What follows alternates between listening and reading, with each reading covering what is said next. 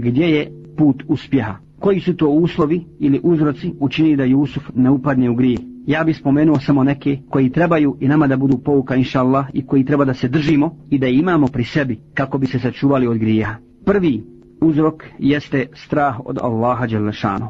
Dakle, strah samo od gospodara svjetova. I to je ono što čovjeka sprečava da ne učini grije.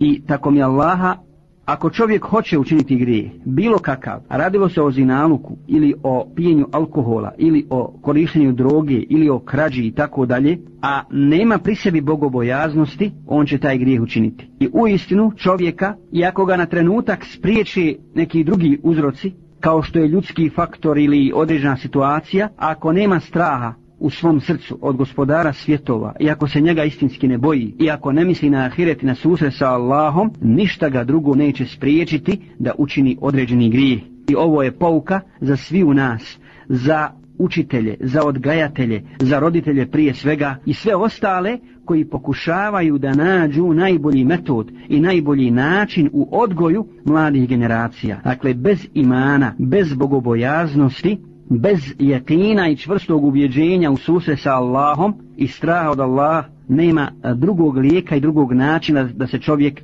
sačuva od, od grijeha, a posebno mlad insan, mladić i djevojka kod koji su strasti jake i koji vuku da učini određeni grijeh. Zato kaže poslanik sallallahu alaihi ve sellem u poznatom hadisu govoreći o sedam osoba koje će biti u hladu arša Allahovog na sudnjem danu na danu kada ne bude drugog hlada osim Allahovog. A jedna od tih osoba jeste mladić koga pozove lijepa i ugledna žena.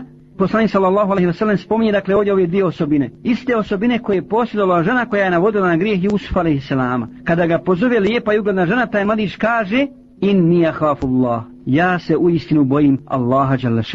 I čovjek često puta bude izložen grijehu, ali se sjeti i poboji Allaha i ostavi taj grijeh. Naravno, čovjeka šeitan nikad ne ostavlja na dunjaluku. Nikad ga ne ostavlja njegova strast, navode ga na grijeh, navode ga da učini određene stvari.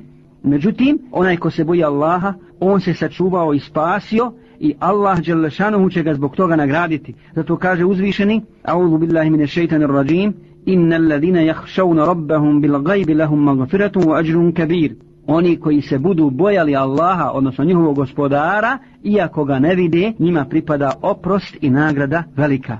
To je dakle prva stvar. Prva stvar i prvi uzrok do uspjeha, inša Allah, na oba dva svijeta. Zatim drugo, ono što treba da znamo jeste da uputa i pomoć dolaze od Allaha Đalešanu. Allah Đalešanu kaže za Jusufa i on bi nju poželio da nije vidio znake svoga gospodara. Dakle, što se čovjek više osloni na Allaha, nakon uzimanja uzroka koje je Allah stvorio i dao čovjeku, on je bliži Allahovoj zaštiti.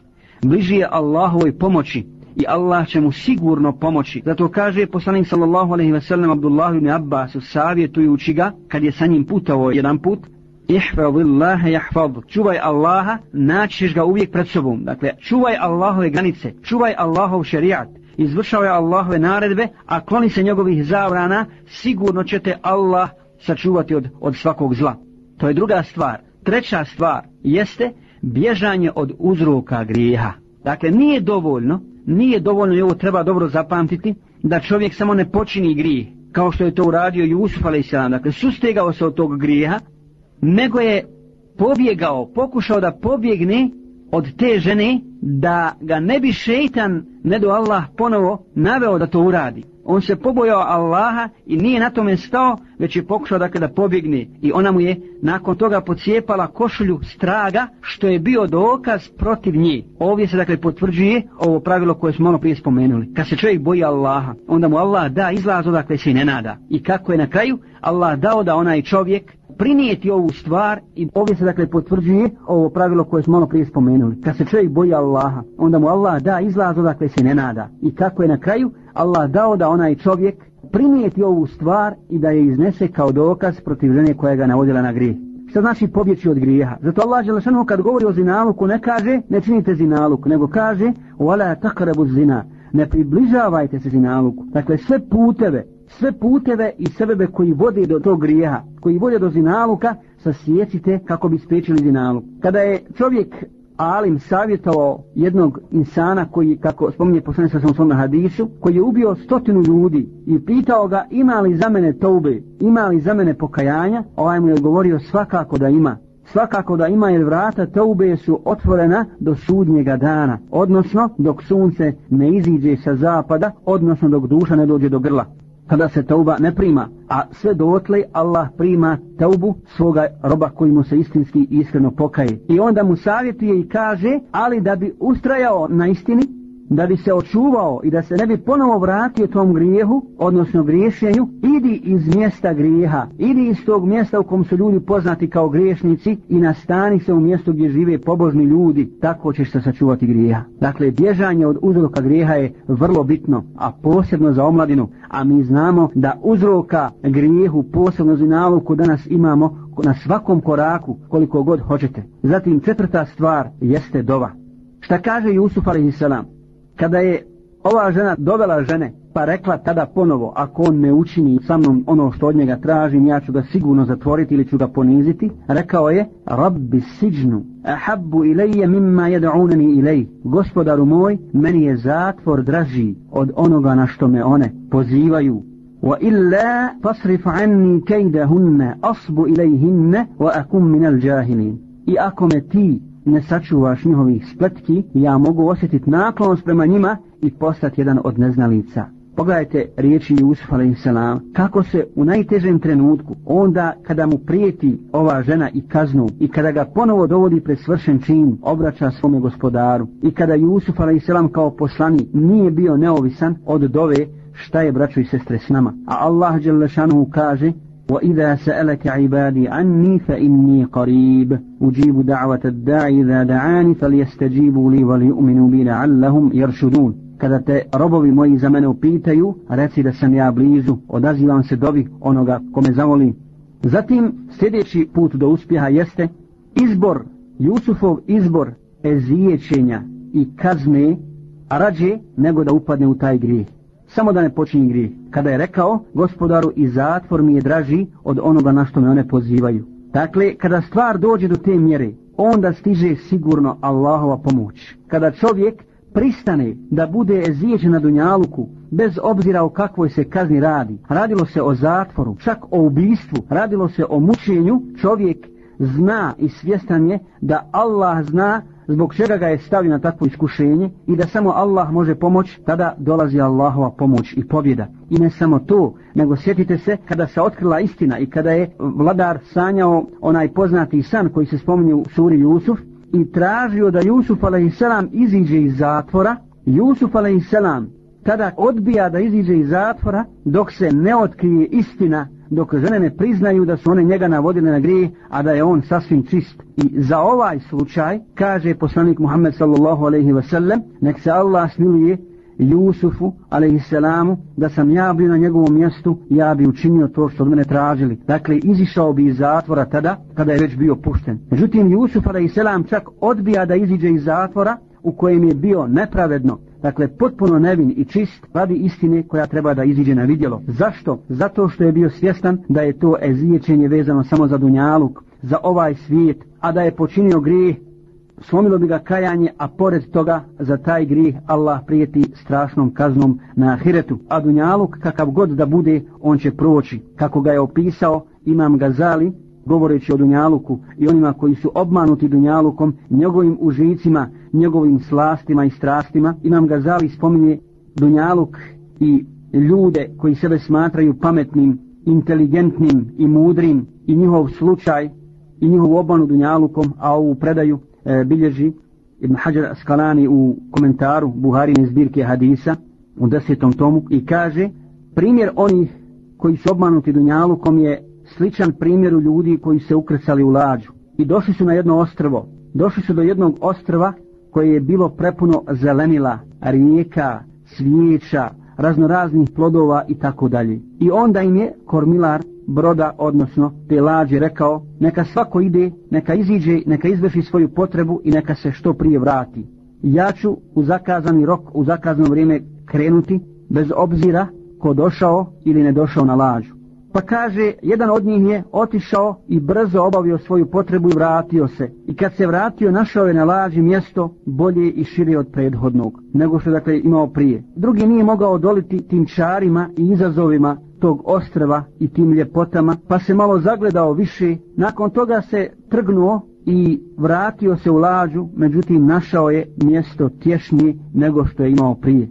Treći opet nije mogao odoliti, a da ne ponese sa sobom nešto od tih čari i ukrasa, pa je ponio onoliko koliko je mogao ponijeti sa sobom. Međutim, kada je došao, lađa je već bila puna, bilo je sasvim malo mjesta, ali nije mogao da odolje da ne ponese što je ubrao od tih plodova. I kada se ukrcao u lađu, nakon toga zaduvao je vjetar i onda bi sačuvao svoj goli život morao je sve to da baci, sve što je sakupio je bacio je. A četvrti je, kaže, imam gazali zagazio još dublje u tu prašumu dunjalučku, dive se tim ukrasima i kada je čuo posljednju sirenu za polazak, on je pokupio sve što je bio ubrao, što je bio pripremio od tih plodova, međutim kad je došao, lađa je već bila se otisnula na spučinu, a on je zajedno s tim što je ubrao, umro na tom mjestu. I kaže, zar mogu biti pametni oni i zar su zaista pametni oni koji sakupljaju čitav život ono što neće ponijeti sa sobom na ahiret. Draga vraće i sestre, ja bi samo na kraju još, dakle, da rezimiramo ove pouke, da ih spomenemo posebno iz ove priče o Jusufu a.s. kako bi nas to podstaklo na čednost, na čestit život u ime Allaha Đelešanuhu, danas u vremenu kojem živimo, u moru ove smutnje, u kojoj živimo, u moru džahilijeta, da očuvamo svoj iman, da očuvamo svoj moral, kako bi zaslužili, inša Allah, Allahu nagradu, kako bi nam Allah podario lijep život na Dunjaluku i na Ahiretu, inša Allah. Dakle, prva stvar jeste udaljavanje od uzroka grijeha. E, druga stvar koju želim spomenuti jeste nužnost žrtve na Allahovom putu. Primjer Jusuf a.s. ovdje posebno u ovoj priči kao i primjer svih drugih Allahovih poslanika svjedoče nam i govore da se čovjek mora žrtvovat kako bi se potvrdio kao iskreni Allahov rob i nema sumnje da će Allah Đelešanu staviti na iskušenje svi u nas kako bi provjerio naš iman, našu stabilnost, naš jekin i našu čvrstoću i našu ubijeđenost.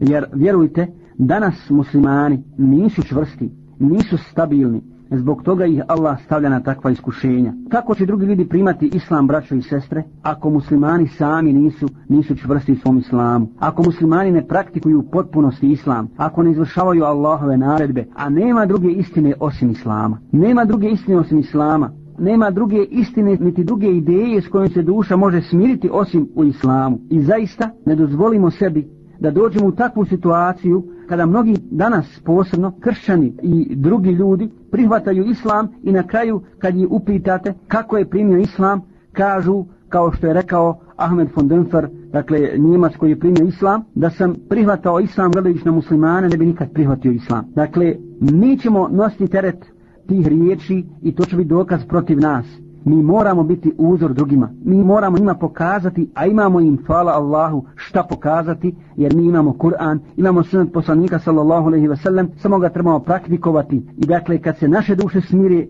s tim, a ne mogu se bez toga smiriti, i ako imamo uputu koja je najvrednija stvar, onda sve druge stvari koje nam fale ćemo lahko nadoknaditi, a Boga mi ako uputa fali, onda se ona ne može nadoknaditi ničim ja bi na osnovu ovoga, dakle koliko je važno raditi na tom polju, koliko je važno da mi budemo uzori, naveo primjer u petak, najveće u prostorima aktivne islam slomine u Sarajevu, alhamdulillah, došla je jedna srpkinja iz Beograda koja je primila islam zajedno s jednom svojom drugaricom, ona inače absolvent medicine i došla je u zijaret Sarajevu i čula je da ima predavanje i došla je sa sestrama muslimankama iz Sarajeva. Ja sam čuo za to i na kraju sam no, 5-6 minuta posvetio njenom slučaju To je za nju bilo jako dirljivo kad je vidjela taj ambijent. Dakle, njeno srce se smirilo u islamu bez obzira na sve. I to je dokaz, dakle, da kod Allaha Đelešanuhu se ne pika i ne broji to je li neko Srbin, je li neko Hrvat, je li neko Bošnjak, je li neko Arap ili Turčin. Dakle, duša hoće istinu. Duša hoće istinu, a ta istina nema nikakve veze sa nacionalnošću, bilo čijom. I Allah neće nas pitati za našu nacionalnost, nego će nas pitati za naš iman, odnosno za islam, jesmo li ga slijedili ili nismo. I da bi mi bili uzor drugima, moramo dakle praktikovati islam zaista se duša dakle ne smiruje bez islama. Zatim sljedeća stvar jeste lijep završetak za bogobojazni. Lijep završetak za one koji se Allaha boje bez obzira na kakva iskušenja nailazi na dunjaluku. Allah Đalešanuhu je izbavio Jusuf a.s. i na kraju kaže وَكَذَلِكَ kedalike لِيُوسُفَ فِي الْأَرْضِ kada je postao namjesnik Jusuf a.s. u toj državi, odnosno u Egiptu i kada je doveo svoje roditelje i svoju braću koja su mu činila zulu pa im on u ime Allaha oprostio i prešao preko toga Allah svjedoči da ga je on uzdigao još na dunjaluku i počastio ga vlašću na zemlji. A kada na početku čitamo tu priču i sva njegova iskušenja, ne možemo a da se ne sažalimo na njegov slučaj. Međutim, treba vjernik da gleda i vjernica dalje od situacije i da znaju da će Allah sigurno pomoći svoje robove i da ih neće ostaviti na cedilu. I na kraju zadnja tačka koju želim pomenuti jeste ovisnost o Allahovoj pomoći. Ne smijemo se, braćo i sestre, obmanjivati time da smo mi jaki, da smo mi čvrsti, da smo mi postojani bez Allahove pomoći, bez Allahovog emra, njegove intervencije, njegove milosti, njegovog rahmeta, mi ne možemo ništa sami učiniti. Zato se trebamo na Allaha osloniti i moliti ga da nas učvrsti na istini, da uputi nas, naše potomstvo, naše porodice, sve muslimane i muslimanke, i da mi budemo inša Allah sebe i uzrok upute drugih ljudi zbog čega će nas Allah nagraditi na ahiretu a znajte da sve duše ljudske teže ka istini traže istinu. A kako reko smo nije nema bez islama i mimo islama. I molim Allaha da nam podari čednost da naš moral usavrši i kod naših mladića i kod naših djevojaka da naši mladići uzmu za uzora Jusuf a.s. Muhammeda sallallahu alaihi ve sellem njihove ashabe i one koji su slijedili Allahove poslanike. A muslimanke da uzmu sebi za uzor Marijemu, majku Isa i Selama, čestitu ženu koju Allah spominje jedinu po imenu u Kur'anu i spominje njenu osobinu koja je vrijedna svakog spomena, a to je cijenjene sestre upravo čednost kada Allah Đelešanuhu kaže za nju o Marijem ebanata Imran allati ahsanat farđaha i Marijema kćerka Imranova koja je sačuvala svoje stidno mjesto. Dakle, ona koja je sačuvala svoj moral i čednost zavrijeđuje da bude spomenuta u Kur'anu i ajeti o njoj se uče i učit će do sudnjega dana. Dakle, uzmite za uzor Marijem, alaihissalam, uzmite za uzor žene poslanika sallam, njegove čerke i pobožne muslimanke koje je Allah uzdigao na oba dva svijeta i lijep spomen na njih ostavio, a nemojte uzimati za uzor koje kakve osobe sumnjivog morala, razvatnice čiji život ne vrijedi ni jedne marke, tako mi Allaha i koji će se kajati zbog onoga što čini, mada nevjernici pokušavaju na sve načine da zavedu muslimanke, da ih razgolite, da ih iščupaju iz krila Islama, gdje su najsigurnije, gdje su najslobodnije, gdje su najponosnije. I vidite koliko je danas žena zloupotrebljena kao ličnost i ne smatraju je ličnošću, nego smatraju je samo običnom robom, običnom trgovačkom robom i predmetom za življavanje niskih muških strasti. Ne dozvolimo da nas zavede šeitan i šeitanovi sledbenici i njegove vojske. Vratimo se istinski Allahu Đelešanuhu, njemu se pokajmo, njemu taubu učinimo, a on prima iskrene taube od svojih robova. Molimo Allaha da nam oprosti grijehe, da nas učvrsti na istini, da ubrza pobjedu Islama, da uništi kufr i nevjernike i sledbenike kufra i da nas uvede u džennet. Amin.